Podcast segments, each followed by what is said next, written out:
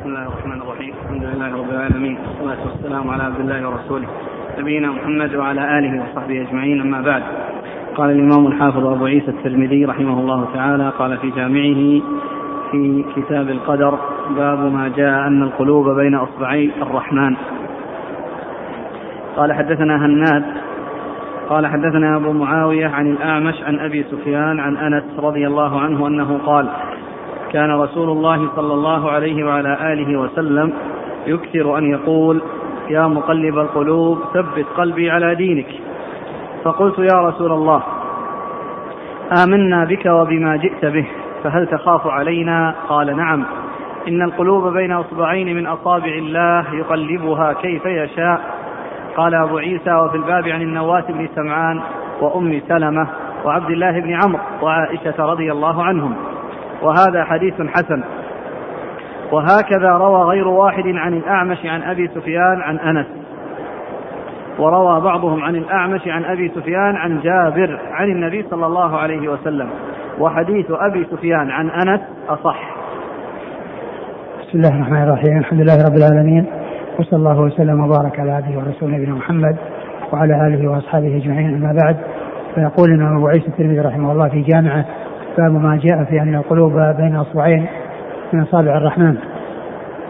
ثم ورد حديث أنس بن مالك رضي الله عنه أن النبي صلى الله عليه وسلم كان يكثر أن يقول يا مقلب القلوب ثبت قلبي على دينك.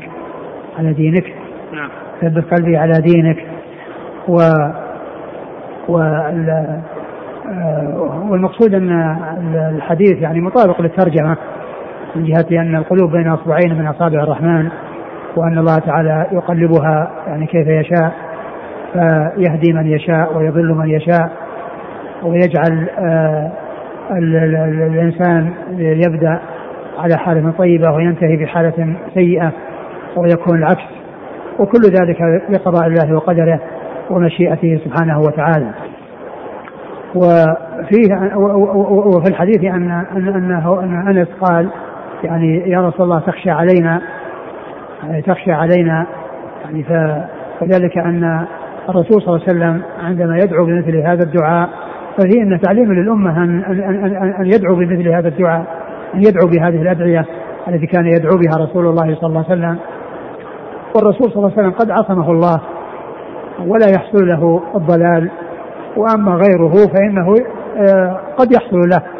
ولهذا فكون الإنسان يكثر من مثل هذا من هذا الدعاء وغيره من الادعيه النووية لا شك أن في ذلك الخير وفي ذلك الفائدة والمصلحة الكبيرة للإنسان.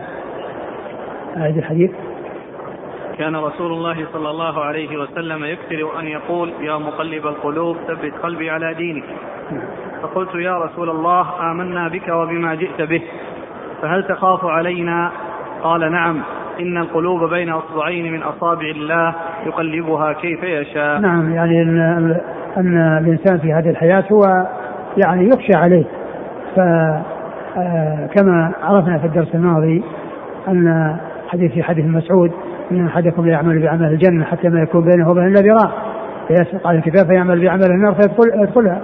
وإن أحدكم يعمل بعمله النار حتى ما يكون بينه وبينها الا ذراع فيسبق عليه الكتاب فيعمل بعمل أهل الجنة فيدخلها. والعبرة بالخواتيم فما ختم الإنسان به هذا هو المعتبر. وما قبل ذلك فهو على خطر. فالمهتدي يعني يحصل له الضلال والضال يحصل له الهداية. نعم. وفيه إثبات الأصابع لله عز وجل. نعم. قال حدثنا هناد. هناد بن السري أبو السري ثقة أخرجه البخاري في خلق افعال العباد ومسلم وأصحاب السنن. عن أبي معاوية عن أبي معاوية هو محمد بن خازم الضرير الكوفي وهو ثقة أخرجه أصحاب الكتب الستة. عن الأعمش. عن الأعمش سليمان بن مهران الكاهلي الكوفي وهو ثقة أخرجه أصحاب الكتب الستة. عن أبي سفيان. عن أبي سفيان وهو ثقة أخرج له. صدوق أصحاب الكتب. وهو صدوق أخرجه أصحاب الكتب. نعم. نعم. عن أنس. عن أنس رضي الله عنه خادم رسول الله صلى الله عليه وسلم وأحد السبعة المكثرين من حديثه. نعم. وفي الباب عن النواس بن سمعان. النواس بن سمعان أخرج له. خالد المفرد ومسلم وأصحاب السنن نعم. وأم سلمة. وأم سلمة هند بنت أبي أمية أخرج لها أصحاب الكتب الستة. وعبد الله بن عبد عمرو. بن عمرو بن العاص رضي الله عنهما أخرجه أصحاب كتب الستة. وعائشة وعائشة أم رضي الله عنها وهي من أكثر رواية عن رسول الله صلى الله عليه وسلم. ورواه بعضهم عن الأعمش عن أبي سفيان عن جابر.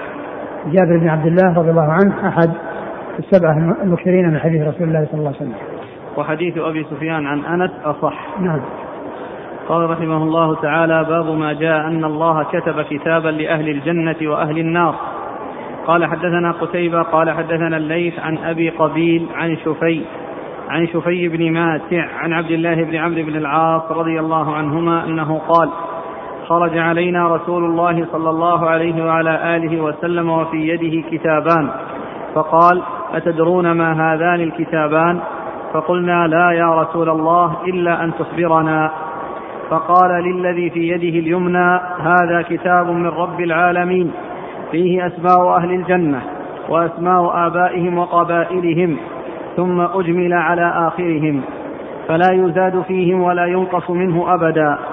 ثم قال للذي في شماله هذا كتاب من رب العالمين فيه أسماء أهل النار وأسماء آبائهم وقبائلهم ثم أجمل على آخرهم فلا يزاد فيه ولا ينقص منه أبدا. فقال أصحابه ففيما العمل يا رسول الله؟ إن كان أمر قد فرغ منه. فقال سددوا وقاربوا فإن صاحب الجنة يختم له بعمل أهل الجنة وإن عمل أي عمل. وإن صاحب النار يختم له بعمل أهل النار وإن عمل أي عمل. ثم قال رسول الله صلى الله عليه وعلى آله وسلم بيديه فنبذهما. ثم قال فرغ ربكم من العباد فريق في الجنة وفريق في السعير. قال حدثنا قتيبة قال حدثنا بكر بن مضر عن أبي قبيل نحوه. قال أبو عيسى وفي الباب عن ابن عمر رضي الله عنهما وهذا حديث حسن غريب صحيح. وأبو قبيل اسمه حيي بن هانئ. ثم أورد أبو عيسى رحمه الله هذا الباب وهو باب في إن الله كتب كتابا لأهل الجنة وأهل النار. أن الله كتب كتابا لأهل الجنة وكتابا لأهل النار. أي أن أهل الجنة معروفون وأهل النار معروفون. وأن القضاء والقدر آه، سبق بأن كتب من يكون سعيدا ومن يكون شقيا ومن يكون من أهل الجنة ومن يكون من أهل النار وأن هذا أمر قد فرغ منه وأن العباد ليس أمامهم إلا أن يعملوا وأن يمتثلوا ما أمروا به وأن ينتهوا عما نهوا عنه ثم تكون النهايات على وفق ما قدره الله وقضاه. أهل الجنة ييسرون لأعمال أهل الجنة حتى ينتهوا إلى الجنة وأهل النار ييسرون لعمل أهل النار حتى ينتهوا إلى النار والعياذ بالله. قد أورد وليس حديث عبد الله بن عمرو بن العاص رضي الله عنهما أن النبي صلى الله عليه وسلم خرج عليهم وبيده كتابان فقال أتدرون ما هذان الكتابان؟ قالوا لا إلا أن آه، تعلمنا. فقال عليه الصلاة والسلام للكتاب الذي في يمينه. إيش قال؟ إن الله للكتاب الذي في يمينه. هذا كتاب من رب العالمين فيه أسماء أهل الجنة وأسماء آبائهم وقبائلهم. يعني في هذا كتاب من رب العالمين اللي في بيمينه فيه أسماء أهل الجنة وأسماء آبائهم وأسماء قبائلهم. يعني فلان ابن فلان الفلاني. يعني منسوب إلى أبيه ومنسوب إلى قبيلته وعشيرته. التي بها يعرف يعني في الدنيا فإن في هذا الكتاب الذي هو كتاب عن أهل الجنة فيه آه، أهل الجنة كلهم من أولهم إلى آخرهم وفيه أسماءهم وأسماء آبائهم وقبائلهم. والكتاب الآخر الذي بشماله فيه أسماء أهل النار وقبائل وأسماء آبائهم وقبائلهم. ثم يعني آه بعد ذلك قال الصحابة فيما العمل يا رسول الله؟ إذا كان الأمر قد فرغ منه. قال سددوا وقاربوا. وسددوا وقاربوا إيش؟ فإن صاحب الجنة يختم له بعمل أهل الجنة. فإن صاحب الجنة يختم له بعمل الجنة وإن عمل أي عمل يعني خلاف أعمال أهل الجنة. وهذا من جنس ما تقدم في حديث مسعود أن أحدكم لا يعمل بأعمال أهل النار حتى ما يكون بينه وبين ذراع فيسبق عليه الكتاب فيعمل بعمل الجنة. فتكون العبرة في النهاية وعلى العكس كذلك. ثم قال وإن صاحب النار يختم له بعمل أهل النار وإن عمل أي عمل. نعم. بعده. انتهى. ثم قال صلى الله عليه وسلم بيديه فنبذهما. نعم يعني نبذ نبذ الكتابين. وهذان الكتابان قيل أنهما حقيقة وقيل أنهما يعني تمثيل. والأصل هو الحقيقة كما هو معلوم. ويعني الحديث في إسناده أبو قبيل وقد وثق وثقه جماعة من الأئمة وقال عنه الحافظ في التقريب صدوق يهم. فإن كان الحديث محفوظا فان فان فإنه على ظاهره. ومن المعلوم أنه كان يعني قد يستغرب يعني كتابة أسماء يعني في كتاب بيد الرسول صلى الله عليه وسلم. وفيها أهل الجنة كلهم وكتاب آخر فيها للنار كلهم. ولكن الله على كل شيء قدير وهذا من أمور الغيب التي يجب الإيمان بها وإن لم ندرك الكنه والحقيقة. ومن المعلوم أنه وجد في هذا الزمان يعني آآ آآ بهذه الوسائل الحديثة التي حصلت أنه أن قطعة صغيرة يوجد فيها ألف مجلد. أو ألف كتاب كلها موجودة في قطعة صغيرة الآن في هذا الزمان. يعني يعني يستطيع الإنسان أن يبحث في هذه الكتب التي هي مئات المجلدات بشيء يعني صغير مثل الكف. فيعني إذا ثبت الحديث أو صح وأن أبا قبيل يعني لم يهم وقد وثقه جماعة من الأئمة وقال عنه الحافظ صدوق يهم فإن كان يعني حديثه محفوظا فهذا يؤمن به ويصدق. ويعني وهذا من أمور الغيب التي يجب الإيمان بها والتصديق وإن لم يدرك الناس الكون والحقيقة. وهذا الذي وجد في هذا الزمان مما يوضح أن الشيء القليل والشيء اليسير يوجد فيه أشياء كثيرة لا حد لها. والله تعالى أعلم. نعم. قال حدثنا قتيبة. قتيبة بن سعيد ثقة أخرج أصحاب الكتب الستة. على ذكر قتيبة الأخ يصحح المعلومة نعم. اللي بالأمس. نعم. قال الذهبي في الكاشف قتيبة بن سعيد أبو رجاء البلخي. روى عن مالك والليث وعنه الجماعة سوى ابن ماجه والفريابي والسراج. يقصد وعنه, وعنه الجماعة؟ أي آه. سوى ابن ماجه صح. والفريابي والسراج. هي العبارة هكذا؟ نعم. إيه. يقول وما كتب بالأمس بالمكي سبق قلم والله يعفو. مم. لا كونه عنه يعني هذه ما فيها إشكال كلمة عنه يعني معناه أنه روى عنه مباشرة لأنهم من تلاميذه. فيعني الإشكال أن ينفى كونه من الرجال من رجال آه، الكتب أو رجال ابن ماجه. أما كون ابن ماجه ما روى عنه مباشرة فإن ال ال المقصود بالرجال هم رجال الكتاب والكاشف هو لرجال لرجال الكتب الستة وليس رجال أصحاب الكتب الستة كالتهذيب وغيره وما تفرع عنه لأن التهذيب وما تفرع عنه يشتمل على رجال أصحاب الكتب رجال صحيح البخاري والأدب المفرد وخلق أفعال العباد ورفع اليدين وغير ذلك من الكتب المتنوعة المتعددة. أما كتاب الكاشف فهو خاص برجال الكتب ما في إلا رجال صحيح البخاري رجال صحيح مسلم. لكن كونه يعني العبارة عنه عنه هذه ما في إشكال. المقصود الشيوخ. المقصود التلاميذ. يعني عنه فلان أصحاب الكتب الستة. يعني رواه البخاري مباشرة روى عنه مسلم مباشرة. يعني فيكون ابن ماجه روايته بواسطة. روايته بواسطة. نعم. لذلك نقل بعد ذلك كلام الحافظ بن حجر مما يوضحه. قال ابن حجر في تهذيب التهذيب. قتيبة بن سعيد أبو رجاء البغلاني روى عن مالك والليث وابن لهيعة. روى عنه الجماعة سوى ابن ماجه وروى له الترمذي أيضا وابن ماجه بواسطة بواسطة أحمد بن حنبل وأحمد بن سعيد الدارمي. وروى له الترمذي؟ نعم.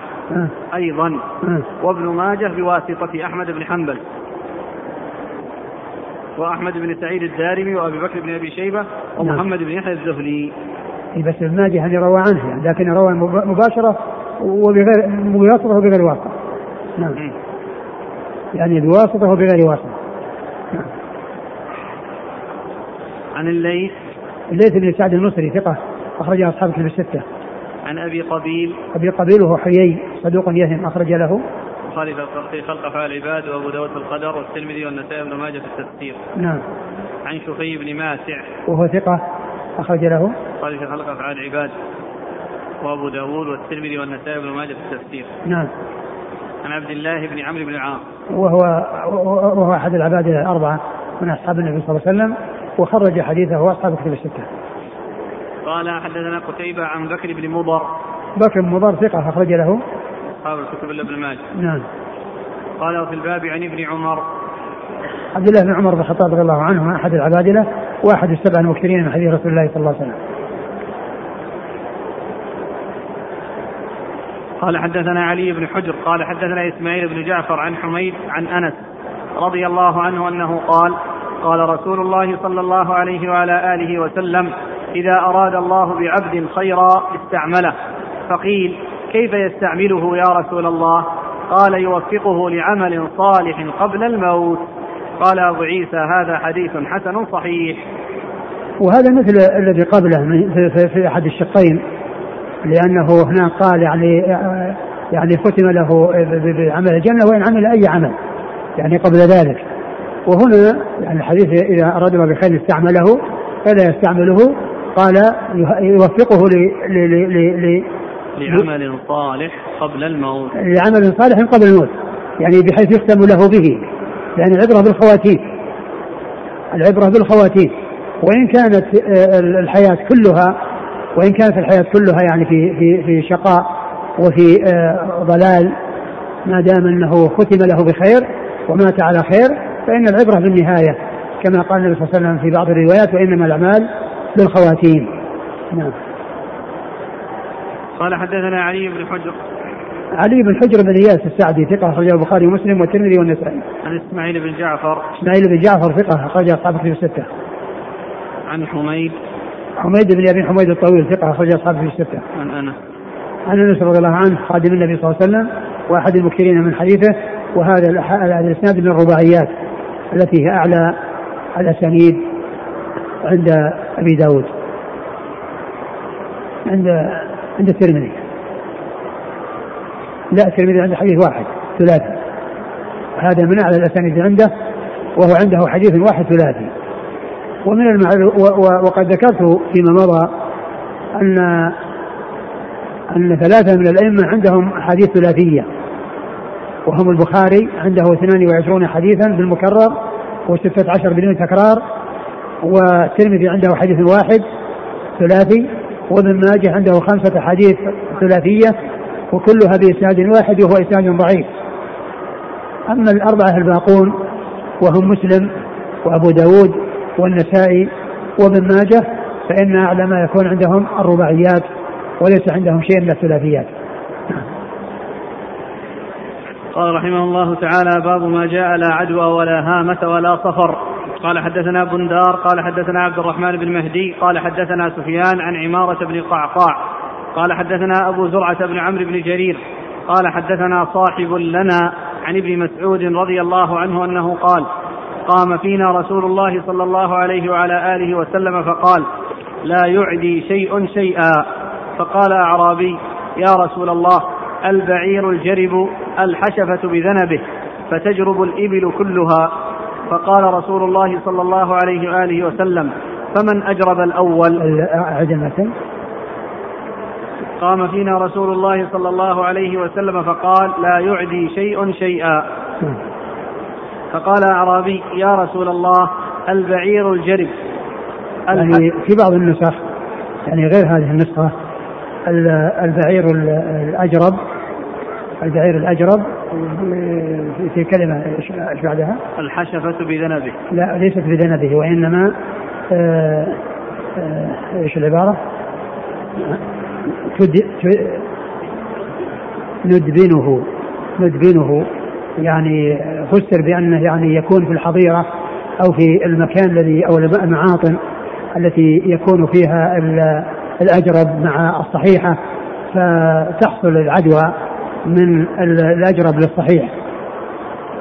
التي في النسخ الأخرى غير هذه النسخة الأجرب وندفنه أي أنهم يدخلونه في المكان الخاص. بالإبل أو يعني في المعاطن الخاصة بالإبل فيلتقي الأجرب الذي فيه شيء قليل من الجرب فينتقل إلى تلك الإبل الصحيحة فيحصل لها الجرب بسبب العدواء نعم. فقال بعده. فتجرب الإبل كلها.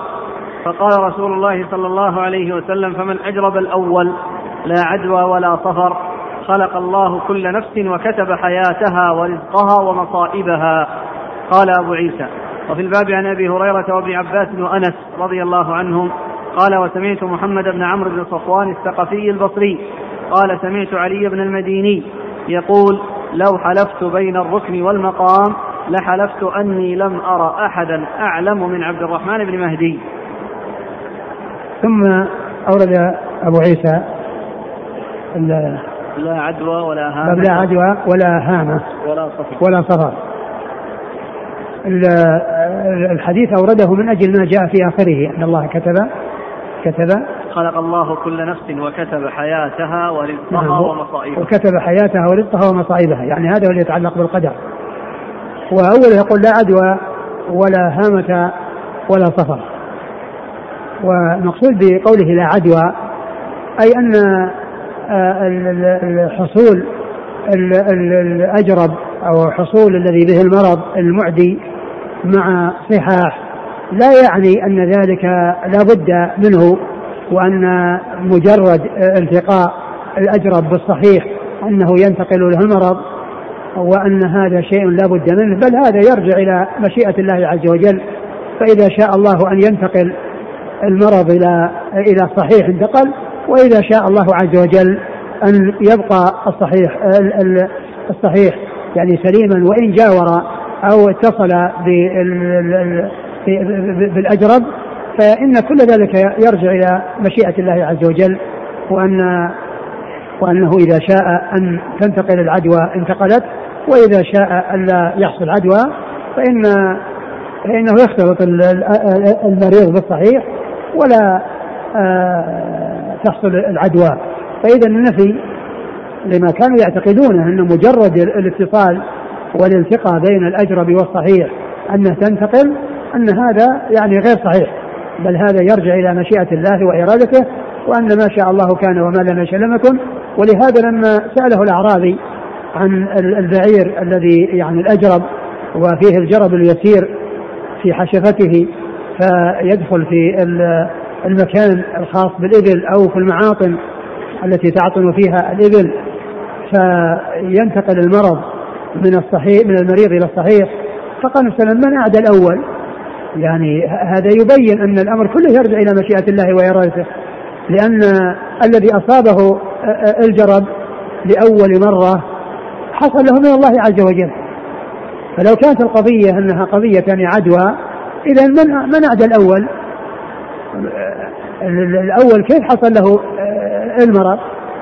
وما دام أن أول يعني بعير يحصل له جرب يحصل من الله عز وجل وبمشيئته وقدرته سبحانه وتعالى فإذا الإبل الأخرى قد يحصل لها جرب بمخالطة المريض أو الأجرب وقد لا يحصل لها لأن كل ذلك يرجع إلى مشيئة الله وإرادته لا عدوى ولا ولا لا عدوى ولا صفر لا عدوى ولا صفر. وفي يعني وما في هامة. لا. آه الصفر يعني فسر بأنه آه بأنه داء. يعني يصيب البطن فيعني يعني ويعدي. وفسر بأن المقصود به صفر اللي هو الشهر الذي كانوا يعني الكفار يعني كانوا يؤخرون ويعملون النسيئة. فيحلون يحلون المحرم ويحرمون صفر ويحرمون صفر فجاء الإسلام بنا في ذلك. فمحتمل أن يكون المقصود به يعني في ما كان عليه الجاهلية من من النسيء أو أن المقصود به يعني ما يحصل من من العدوى بسبب هذا المرض الذي يكون في البطن. نعم. قال حدثنا بندار بن دار هو محمد بن بشار ثقة أخرج أصحابه في الستة. عن عبد الرحمن بن مهدي ثقة أخرج أصحابه في الستة. عن سفيان عن سفيان هو الثوري ثقة أخرج أصحابه في الستة. عن عمارة بن القعقاع وهو ثقة أخرج له. أصحاب الكتب. نعم. عن أبي زرعة بن عمرو. أبو زرعة بن عمرو بن جرير وهو ثقة أخرج أصحابه في الستة. عن قال حدثنا صاحب لنا عن ابن مسعود. صاحب لنا عن ابن مسعود وجاء من طريق أخرى أن أبا زرعة يحدث عن أبي هريرة يحدث عن أبي هريرة رضي الله عنه وهو بإسناد صحيح. فيكون يعني يعني يعني الشيخ ناصر رحمه الله يقول يحتمل أن يكون يعني ذلك الصاحب هو يعني أبو هريرة وأنه يرويه عن أبي هريرة عن مسعود وفي بعض الأحاديث يرويه عنه مباشرة.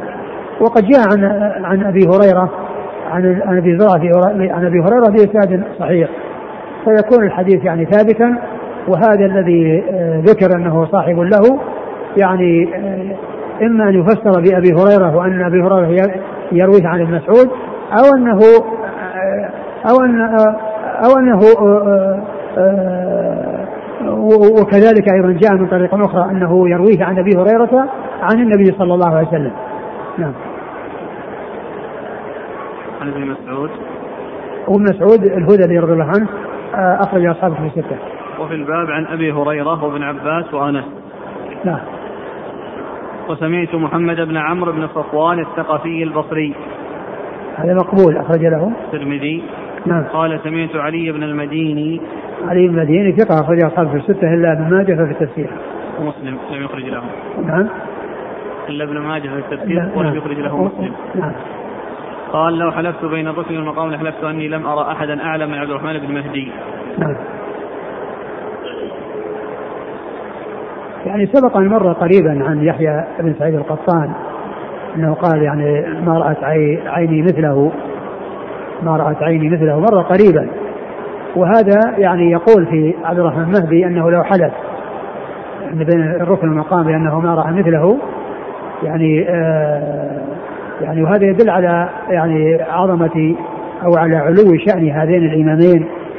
وهما إمامان في الجرح والتعديل وقد ذكرهما الحافظ الذهبي في كتابه من يعتمد قوله في الجرح والتعديل وذكر أنهما إذا اجتمعا على جرح شخص قال فإنه لا يكاد يندمل جرحه إذا اتفقا على جرح شخص فيعني معناه أنهما قد أصابا لا يكاد يندم الجرح يعني معناه أن الجرح يعني محقق فيه.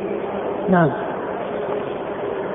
قال رحمه الله تعالى باب ما جاء في الإيمان بالقدر خيره وشره. قال حدثنا أبو الخطاب زياد بن يحيى البصري قال حدثنا عبد الله بن ميمون عن جعفر بن محمد عن أبيه عن جابر بن عبد الله رضي الله عنهما أنه قال قال رسول الله صلى الله عليه وعلى آله وسلم لا يؤمن عبد حتى يؤمن بالقدر خيره وشره حتى يعلم أن ما أصابه لم يكن ليخطئه. وأن ما أخطأه لم يكن ليصيبه. قال أبو عيسى وفي الباب عن عبادة وجابر وعبد الله بن عمرو رضي الله عنهم وهذا حديث غريب لا نعرفه إلا من حديث عبد الله بن ميمون وعبد الله بن ميمون منكر الحديث. ثم أخرج أبو عيسى باب الإيمان بالقدر خيره وشره. والإيمان بالقدر خيره وشره جاء في حديث جبريل وأن تؤمن بالقدر خيره وشره. يعني يصول الإيمان الستة أن تؤمن بالله وملائكته وكتبه ورسوله والآخر والقدر خيره وشره. يعني فكل ما قدره الله عز وجل فكل شيء بقضاء وقدر الخير والشر. وكل ما يقع في الوجود من خير وشر فهو بقضاء الله وقدره وبخلقه وإيجاده سبحانه وتعالى. والواجب هو الإيمان في القدر. وأنه لا يحصل الإيمان للمسلم إلا إذا آمن بهذه الأصول الستة ومنها الإيمان بالقدر. ولهذا في حديث آه، عمر بن الخطاب في صحيح مسلم الذي هو حديث طويل حديث جبريل يعني أورده آه، أو رواه آه، ابن عمر رضي الله عنه عن أبيه عمر محتجا به على القدر. لأنه لما يعني جاءه حميد الحميري و و يحيى بن يعمر وقال إن حصل يعني يعني عندنا في البصرة ناس يعني يقولون لا قدر وكذا قال إذا لقيتهم فأخبرهم أني بريء منهم وأنهم براء مني. وأنه يعني لا يحصل يعني إلا أن يؤمنوا بالقدر. ثم ساق عن أبيه روى عن أبيه آه، حديث جابر الطويل من أجل قوله وتؤمن بالقدر خيره وشره وتؤمن بالقدر خيره وشره. وهنا أورد أبو عيسى حديث جابر رضي الله عنه. قال لا يؤمن عبد حتى يؤمن بالقدر خيره وشره. لا يؤمن عبد حتى يؤمن بالقدر خيره وشره. يعني لا يكون مؤمنا ولا يحصل له أصل الإيمان إلا إذا آمن بالقدر خيره وشره. وأن كل شيء بقضاء الله وقدره الخير والشر بقضاء الله والشر بقضاء الله وأن كل ذلك قد كتبه الله عز وجل ويعني آه، آه، وما شاء وقوعه وقع. وما لم يشأ وقوعه فإنه لا يمكن أن يقع. ثم أتى بعد ذلك بالجملة التي آه، هي قوله وأن تعلم أن ما أصابك لم يكن ليخطئك وما أخطأك لم يكن يصيبك. قوله ما أصابك يعني ما حصل لك من خير وما حصل لك يعني من من نعمة لا يمكن أن تخطئك. يعني لابد وأن توجد. يعني الذي أصابك والذي قدر الله لك أنه يصيبك وأنه يحصل لك فإنه لا يمكن أن يتخلى لأنه ما شاء الله كان. وأن ما أخطأك لم يكن يصيبك. ما قدر الله عز وجل أنك أنه لا يحصل لك فإنه لا سبيل إلى الحصول لا سبيل إلى حصوله لك أبدا. وهذا هو معنى ما شاء الله كان وما لم يشاء لم يكن. ما أصابك لم يكن يخطئك ما شاء الله كان. ما أخطأك لم يكن يصيبك ما لم يشاء لم يكن. وفي حديث ابن عباس واعلم أن الأمة لم يجتمعوا على أن ينفعوك لم ينفعوك إلا بشيء قد كتبه الله لك. ولو اجتمعوا على أن يضروك لم يضروك إلا بشيء قد كتبه الله عليك. رفعت الأقلام وجفت الصحف. والحديث في إسناده عبد الله بن ميمون وهو يعني متروك ضعيف متروك ولكن آه، له شواهد. يعني له شواهد يعني آه، تدل عليه. نعم. قال حدثنا أبو الخطاب زياد بن يحيى البصري. هو؟ ثقة رجل أصحاب الكتب. عن عبد الله بن ميمون. عبد الله بن ميمون هو متروك. وله الترمذي. نعم. عن جعفر بن محمد. جعفر بن محمد آه، بن علي بن حسين. وهو صدوق أخرج له البخاري في الأدب المفرد ومسلم وأصحاب السنة. عن أبيه. عن أبيه محمد بن علي الحسين وهو ثقة أخرجه أصحاب في الستة. عن جابر. عن جابر بن عبد الله رضي الله عنهما وهو أحد السبعة المكثرين من حديث رسول الله صلى الله عليه وسلم. وفي الباب عن عبادة وجابر وعبد الله بن عمرو. عبادة بن الصامت أخرج أصحابه في الستة. و قال وجابر. وجابر يمكن حديث آخر مقصود به. نعم وعبد الله بن عمرو عبد الله بن عمرو نعم مر ذكره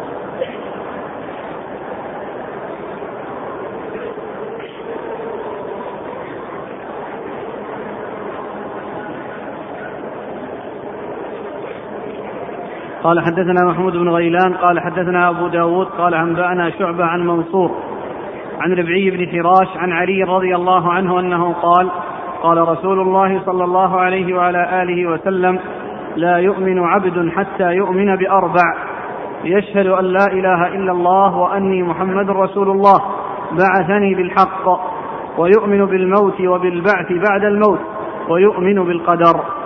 قال حدثنا محمود بن غيلان قال حدثنا النضر بن شميل عن شعبة نحوه إلا أنه قال ربعي عن رجل عن علي. قال أبو عيسى حديث أبي داود عن شعبة عندي أصح من حديث النضر وهكذا روى غير واحد عن منصور عن ربعي عن علي. قال حدثنا الجارود قال سمعت وكيعا يقول بلغنا أن ربعيا لم يكذب في الإسلام كذبة. ثم ورد أبو, أبو, أبو عيسى رحمه الله هذا الحديث عن عن علي. نعم. عن علي رضي الله عنه قال لا يؤمن أحد حتى يؤمن بأربع. نعم.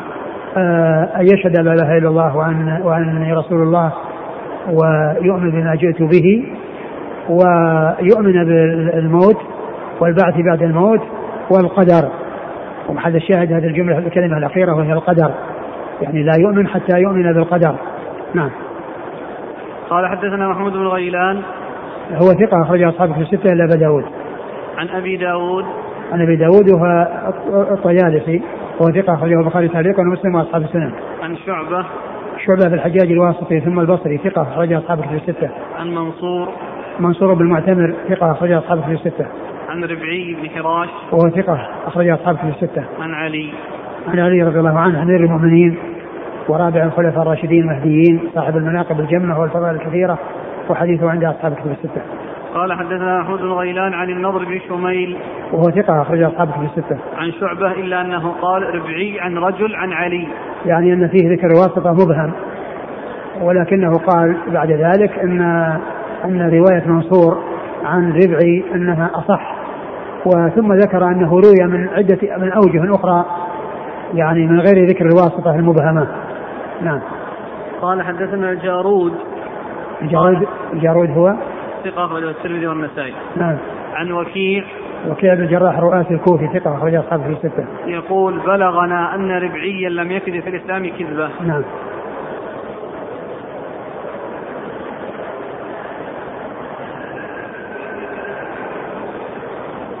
قال رحمه الله تعالى باب ما جاء أن النفس تموت حيث ما كتب لها. قال حدثنا بندار قال حدثنا مؤمل قال حدثنا سفيان عن أبي إسحاق عن مطر بن عكامس.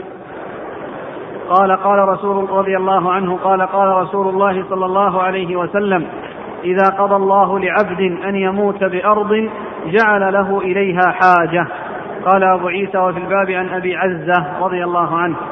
وهذا حديث حسن غريب ولا يعرف لمطر بن عكامس عن النبي صلى الله عليه وسلم غير هذا الحديث. قال حدثنا محمود بن غيلان قال حدثنا مؤمل وأبو داود الحفري عن سفيان نحوه. قال حدثنا أحمد بن منيع وعلي بن حجر المعنى واحد. قال حدثنا إسماعيل بن إبراهيم عن أيوب عن أبي المليح بن أسامة عن أبي عزة رضي الله عنه أنه قال قال رسول الله صلى الله عليه وعلى آله وسلم إذا قضى الله لعبد أن يموت بأرض جعل له إليها حاجة أو قال بها حاجة. قال أبو عيسى هذا حديث صحيح. وأبو عزة له صحبة واسمه يسار بن عبد. وأبو المليح اسمه عامر بن أسامة بن عمير الهذلي. ويقال زيد بن أسامة. ثم أورد أبو عيسى هذه الترجمة هي باب. أن النفس تموت حيث ما كتب لها. باب أن النفس تموت حيث ما كتب لها أي المكان الذي كتب الله عز وجل أنها تموت فيه فإنها تموت فيه. وأن وقد أورد أبو عيسى هذا الحديث عن أبي عزة الذي فيه أن أن الله عز وجل إذا كتب لنفس أن تموت في مكان معين جعل الله لذلك الإنسان حاجة. في ذلك المكان يذهب إليه ثم يوافيه الأجل فيه. ثم يوافيه الأجل فيه. وكل إنسان لا يعلم في أي مكان يموت. كما جاء في آه، آه، الأمور الخمسة وما تدري نفس بأي أرض تموت. ف فإذا كان في قدر الله عز وجل وفي كتابته في اللوح المحفوظ أنه يموت في مكان معين فإنه لا بد وأن يصل إلى ذلك المكان وأن يجعل الله عز وجل له حاجة في ذلك المكان بحيث يذهب إليه ويوافيه الأجل آه، فيه. أي في ذلك المكان الذي شاء الله أن يموت فيه. والآجال يعني قدرها الله عز وجل وقدر يعني آه، الأماكن التي يكون فيها ذلك الأجل وفيها انتهاء الأجل. فيموت الإنسان حيث مات أو حيث شاء الله أن يموت. وإذا آه، إذا قدر موته في أي بلد أو في أي مكان غير المكان الذي هو فيه الذي هو بلده فإن الله تعالى يجعل له حاجة في ذلك المكان بحيث يعني يذهب إليه ثم يوافيه الأجل كما شاء الله سبحانه وتعالى نعم قال حدثنا بندار نعم عن مؤمل هو صدوق سيء الحفظ أخرج نعم. البخاري تعليقا وأبو داود في القدر نعم. والترمذي نعم. والنسائي بن ماجه نعم عن سفيان هو الثوري ثقة أصحاب في الستة عن أبي إسحاق الذي إسحاق هو السبيعي عمرو بن عبد الله الهمداني وهو ثقة أخرج أصحابه في الستة. عن مطر بن عكامس وهو مختلف في صحبته. نعم. البخاري أخرج له أبو داود القدر والترمذي. نعم. قال وفي الباب عن أبي عزة. أبو عزة ذكره في الإسناد الذي بعد هذا. قال حدثنا محمد بن غيلان عن مؤمل وأبو داود الحفري. أبو داود الحفري هو عمر بن سعد؟ نعم. وهو؟ ثقة أخرج له مسلم وأصحاب السنن نعم. قال حدثنا أحمد بن منيع. أحمد بن منيع ثقة أخرج أصحابه في الستة وعلي بن حجر. علي بن حجر بن إياس ثقة أخرجه البخاري ومسلم والترمذي والنسائي. عن إسماعيل بن إبراهيم. إسماعيل بن إبراهيم بن علية ثقة أخرج أصحابه في الستة عن أيوب. أيوب بن أبي تميم السختياني ثقة أخرج أصحابه في الستة عن أبي المليح بن أسامة. ابن المليح بن أسامة وهو ثقة أخرج أصحاب الكتب. نعم. عن أبي عزة. عن أبي عزة وهو صحابي أخرج له. قال المفرد أبو داود في القدر والترمذي نعم. قال رحمه الله تعالى باب ما جاء لا ترد الرقى ولا الدواء لا تردوا لا ترد الرقى ولا الدواء من قدر الله شيئا. قال حدثنا سعيد بن عبد الرحمن المخزومي قال حدثنا سفيان بن عيينة عن ابن أبي خزامة عن أبيه رضي الله عنه أن رجلا أتى النبي صلى الله عليه وآله وسلم فقال يا رسول الله أرأيت رقا نسترقيها ودواء نتداوى به؟ تقاة نتقيها هل ترد من قدر الله شيئا؟ فقال هي من قدر الله. قال أبو عيسى هذا حديث لا نعرفه إلا من حديث الزهري وقد روى غير واحد هذا عن سفيان عن الزهري عن أبي خزامة عن أبيه وهذا أصح.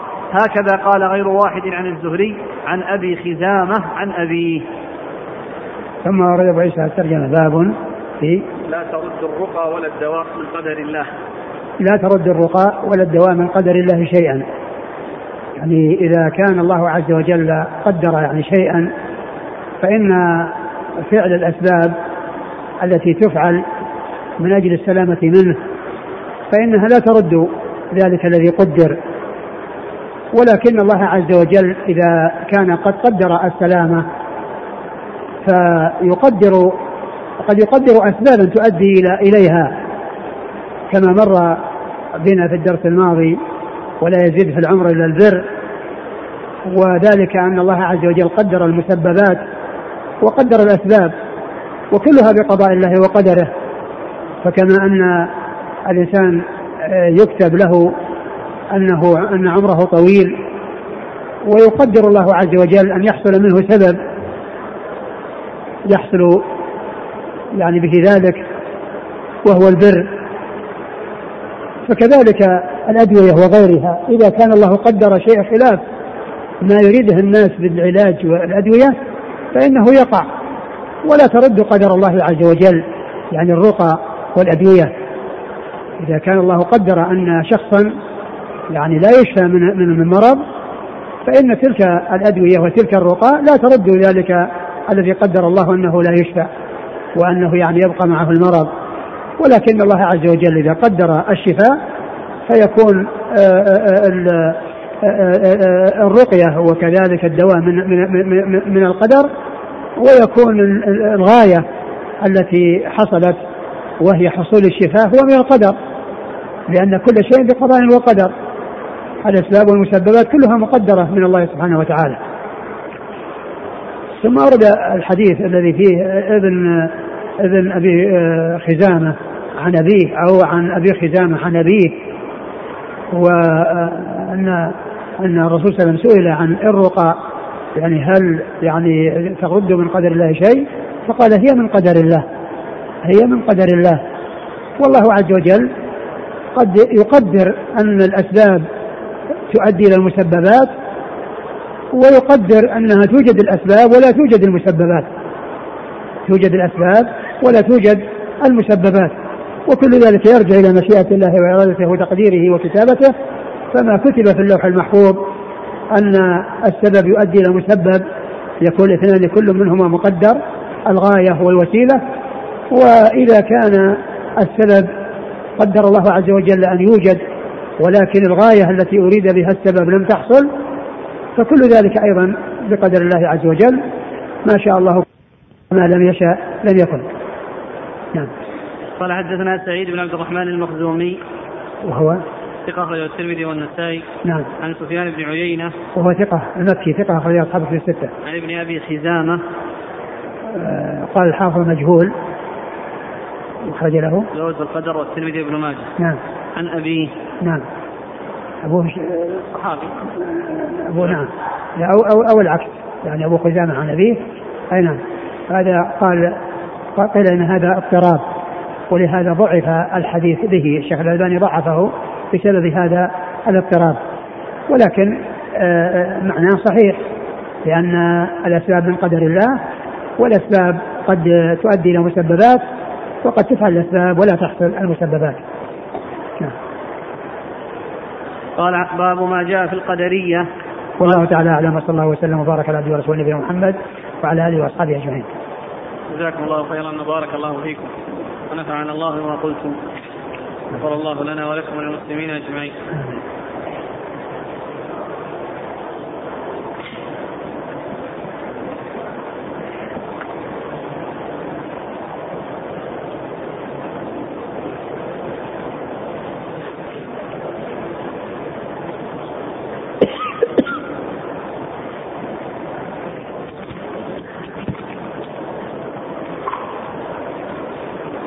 هذا تصوير من كتاب الجواب الكافي ابن القيم.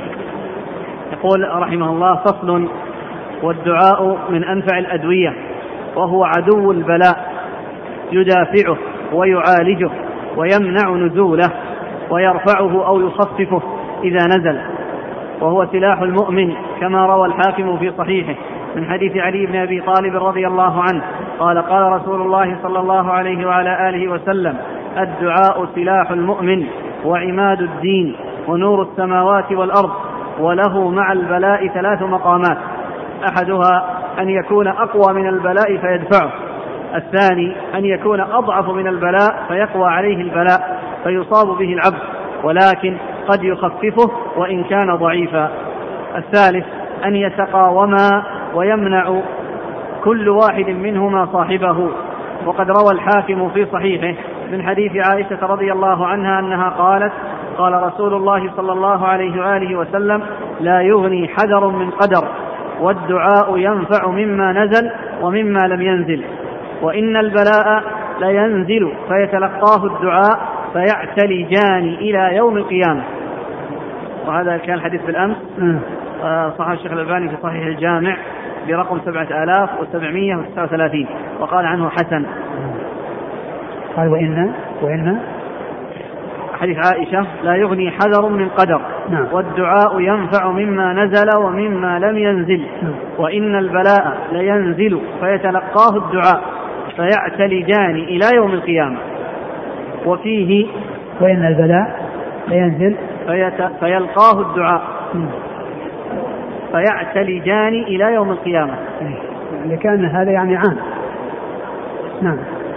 قال وفيه مستدرك الحاكم أيضا من حديث ابن عمر عن النبي صلى الله عليه وسلم قال الدعاء ينفع مما نزل ومما لم ينزل فعليكم عباد الله بالدعاء. وفيه أيضا من حديث ثوبان عن النبي صلى الله عليه وسلم لا يرد القدر إلا الدعاء ولا يزيد في العمر إلا البر وإن الرجل ليحرم الرزق بالذنب يصيبه. هذا كله هنا؟ جوابك هذه؟ نعم.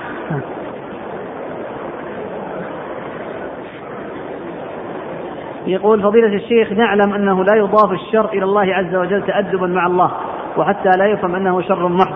لكن هناك حديث عن النبي صلى الله عليه وسلم جاء في مضمونه أو ما معناه إذا أراد الله بعبده الخير عجل له العقوبة في الدنيا وإذا أراد به الشر أجل له العقوبة في الآخرة. فما توجيه هذا الحديث؟ يعني كما هو معلوم يعني آه، آه، ذكر بالمقابلة أراد الله خير وأراد الله شر. نعم. يقول فائدة ذكر الشيخ العلامة محمد بن عثيمين رحمه الله في فتاوى أركان الإسلام. الجواب عن هذا السؤال ما رأيكم في هذه العبارة؟ لا سمح الله. الجواب يقول الشيخ أكره أن يقول القائل لا سمح الله لأن قوله لا سمح الله ربما توهم أن أحد ربما توهم أن أحدا يجبر الله على شيء فيقول لا سمح الله.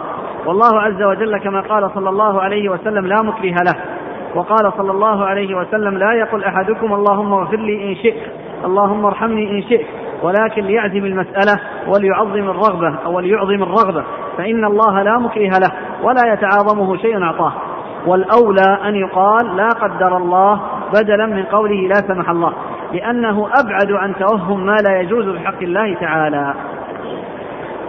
والتوهم هذا أيضا بعيد يعني يكون يتوهم أن أحد يعني يعني يعني يحصل منه شيء لله عز وجل ف يعني يعني توهم بعيد في الحقيقة نعم. يقول هل أصابع الله تبارك وتعالى ورد بها العدد وأنها خمسة ورد في حديث يعني حديث الذي فيه السماوات يعني كذا وكذا على أصبع وإذا على أصبع يعني ذكر جاء ذكر الخمسة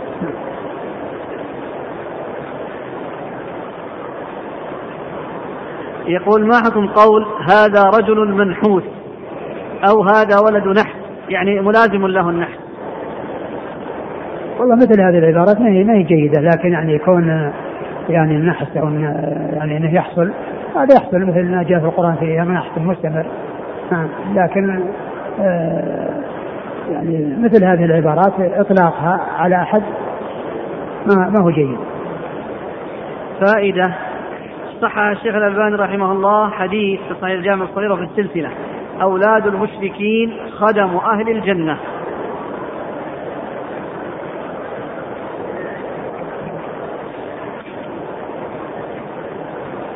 على كل هذا هو من أحد الأقوال التي قيلت في المسألة. قد ذكره الشارح يعني في يعني في فيما مضى واللي هو المبارك كوري. وقال به كثير من أهل العلم ولكن الحديث الذي مر بنا والرسول لما سئل عن أولاد المشركين قال الله أعلم. يعني من مات منهم قبل أن يهود أو ينصر قال الله أعلم بما كانوا عاملين. وقد فسر ذلك بأنهم يمتحنون كما يمتحن المجانين والذي لم تبلغهم الدعوة. وإذا يعني هذا فيمكن أن يكون يعني كونهم خدموا أهل الجنة يعني الذين يعني يكون من أهل الجنة يكون خدم لأهل الجنة. هل ورد في أن امتحانهم يكون هو بارتفاع شيء من النار نعم يعني ورد في هذا نعم. يقول أحسن الله إليك كيف نجمع بين حديث إذا أراد الله بعبده خيرا استعمله وبين موت بعض كبار أهل البدع على خاتمة حسنة كالخوارج فعبد الرحمن بن ملجم كان يقرأ الإخلاص ويكررها وآية الكرسي وهم يقطعون أو يقطعون جسده حتى هلك. أعد كيف نجمع بين حديث إذا أراد الله بعبد خيرا استعمله وبين موت بعض كبار أهل البدع على خاتمة حسنة. كالخوارج فعبد الرحمن بن ملجم كان يقرأ الإخلاص ويكررها وآية الكرسي وهم يقطعون جسده حتى هلك. ما ندري عن صحة هذا الكلام يعني أنه حصل كذا لكن لا شك أن أن العبرة بالنهايات يعني قد يكون الإنسان يعني في حياته كلها في سوء ثم يختم له بخاتمة حسنة. وقد يكون العكس.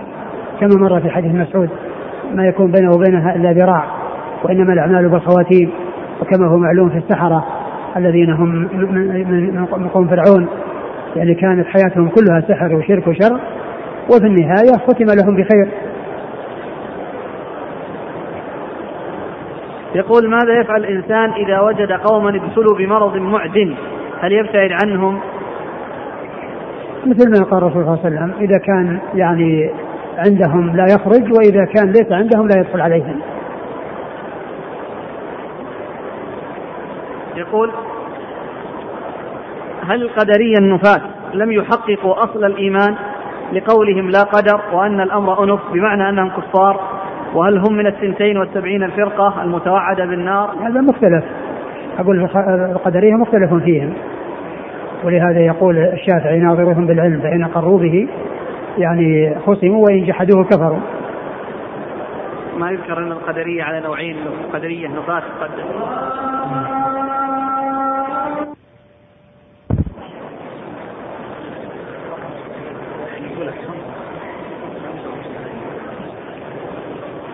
نعم فيه القدرية فيهم الغلاة الذين أنكروا العلم وهذا لا يعني لا خلاف في تكفيرهم. وأما غيرهم فإن تكفيرهم محل خلاف.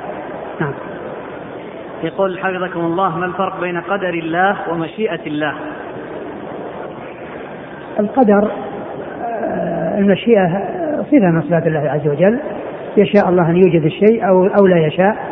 وأما القدر هو التقدير والكتابة في اللوح المحفوظ المقادير الأشياء كتب الله مقادير الأشياء وأن كل شيء يوجد في الوقت الذي شاء الله أن يوجد فيه وعلى القدر الذي آه، شاء الله أن يكون عليه يعني في كميته وكيفيته وهيئته وغير ذلك من صفاته.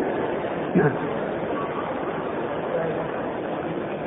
ولهذا المشيئة هي مرتبة من مراتب القدر والقدر أربع مراتب. علم وكتابة ومشيئة وخلق وإيجاد. طبقا خلق وإيجاد طبقا لما علم وكتب وشيئ. هذا يسأل عن الغلام المذكور في سورة الكهف. وما جاء على لسان الخضر. أردنا أن يبدلهما. ربهما خيرا منه زكاة وأقرب رحمة. فهل خلق هذا الغلام على غير الفطرة؟ وجاء في الحديث أنه طبع كافرا. أنه كافرا يعني أن الله قدر عز وجل أن يكون كافرا. لكن يعني مقدار سنه وهل هو يعني قد بلغ أو ما بلغ لا ندري. ولكن عموم الحديث كل مولود يولد على الفطرة يشمل كل مولود. يقول وفقك الله وسدد خطاك لقد اعتمرت في رمضان وكانت لدي النية بأن أترك التدخين وقد قلت عند الطواف ما نصه. يا رحمن يا رحيم إني في بيتك الكريم وإني أعدك بأني لن أعود إلى التدخين مرة أخرى. ولكن يا شيخ نقضت الوعد. والآن أنا أدخن فما العمل؟ وماذا عليك أن تكون شجاعا. يعني على نفسك وفي يعني مجاهدة نفسك ومجاهدة الشيطان. وذلك بأن تكون عندك الشجاعة والتصميم وعدم آه، آه، آه، يعني الميل إلى الشيء الذي كنت قد ابتليت به. فإنه كما هو معلوم الأمر يحتاج إلى مجاهدة للنفس يحتاج إلى صبر ويحتاج إلى بذل الأسباب التي توصل إلى ذلك. والإنسان إذا حصل منه الذنب فإنه يقبل على التوبة ويجاهد نفسه في البقاء على السلامة وأن يحذر من أن يقع في أو يستمر على الذنب أو يعود إلى الذنب الذي قد ابتلي به. ولا شك أن الإنسان يكون يكون كذلك ليس عنده الشجاعة على نفسه وعلى الشيطان. فهو يحتاج إلى مجاهدة نفسه ويحتاج إلى الصبر ويحتاج أيضا إلى البعد عن قرناء السوء الذين يعني يهونون عليه ذلك أو يشجعونه على أن يبقى على ما هو عليه. فإذا جاهد نفسه وابتعد عن القرناء الذين يردونه لا شك وابتهل إلى الله عز وجل أن يوفقه وأن يحفظه وأن يسلمه من هذا البلاء الذي وقع فيه فإنه تحصل له السلامة بإذن الله. ما حكم تخزين البضائع من أجل التجارة بها إذا زاد ثمنها؟ إذا كان الناس بحاجة إليها فإن هذا من الاحتكار. الذي قال رسول الله يحتكر إلا خاطئ. وأما إذا كانت السلع كثيرة ومتوفرة ويعني وكونه يعني خزنها لا تؤثر على الناس فإنه لا بأس بذلك. وما حكم غيبة الكافر؟ لا بأس. أقول لا بأس. الكافر يذكر بكفره وبما وبما فيه من الشر ليحذر. يقول لدي سيارة أقوم بالعمل عليها في نقل بضائع. ولكن توجد بعض البضائع أريد أن أسأل عن حكم نقلها للزبائن. السؤال الأول حكم نقل الكراسي والخيام لمناسبات الأفراح.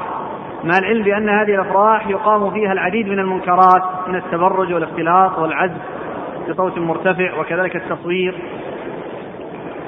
آه، أقول مثل هذه أقول مثل هذه يعني آه، يعني آه، محتملة ولكن كل إنسان يعني ينزه نفسه من أن يعني يشارك في أي أمر يعني فيه مضرة لا شك أن هذا أسلم له.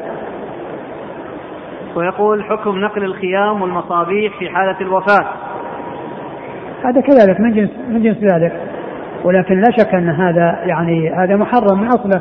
وأما الفرح وحصول يعني الولائم في الزواج هذه مطلوبة. ولكن المحرم هو ما يعني ما يخالطها. أو ما يحصل فيها أحيانا أو في بعضها وأما المآتم فإنها محرمة من أصلها. لا يجوز لا تجوز بحال من الأحوال الإنسان يعني يساعد عليها أو يعين عليها لأن هذه من التعاون على الإثم والعدوان. والثالث حكم نقل عفش البيت ومعه التلفاز والدش. آه، قضية التلفاز يعني هذا من الشيء الذي ابتلي به الناس. ويعني واما الدش فامره واضح من جهة انه يعني فيه آه، يعني شر محض وشر يعني آه، واضح لأن فيه أوساخ العالم وقاذورة العالم كلها تصل بواسطة هذه الدشوش الخبيثة التي يعني فتح على الناس فتحت على الناس أبواب شر لا لا حد لها. فالإنسان يعني مثل هذا يعني آه، لا ينقلها ولكن يوصي أهلها بتكثيرها والتخلص منها. السؤال الاخير يقول بعض الزبائن في أثناء الطريق يريد أن يشتري الدخان فهل يلحقني اثم إذا وقفت له؟ والله إذا كان ما تعرف أنه يعني لا مو راح ينزل إلى الدخان فأنت لا تقف من أجل انه يشتري دخان. أما إذا كان ما تعرف حاجته أو أنه يريد أن يحصل يعني شيء يعني طيب أما إذا كان يعني لأجل انه يشتري دخان فأنت لا تساعده على ذلك. يقول السائل في الأصول ما الفرق بين لفظ لفظ عام أريد به خاص وبين قولهم لفظ عام مخصوص؟ الذي أريد به خاص يعني آه، بأن يكون لفظ عام أريد به خاص. مثل الذين قال لهم الناس إن الناس قد جمعوا لك.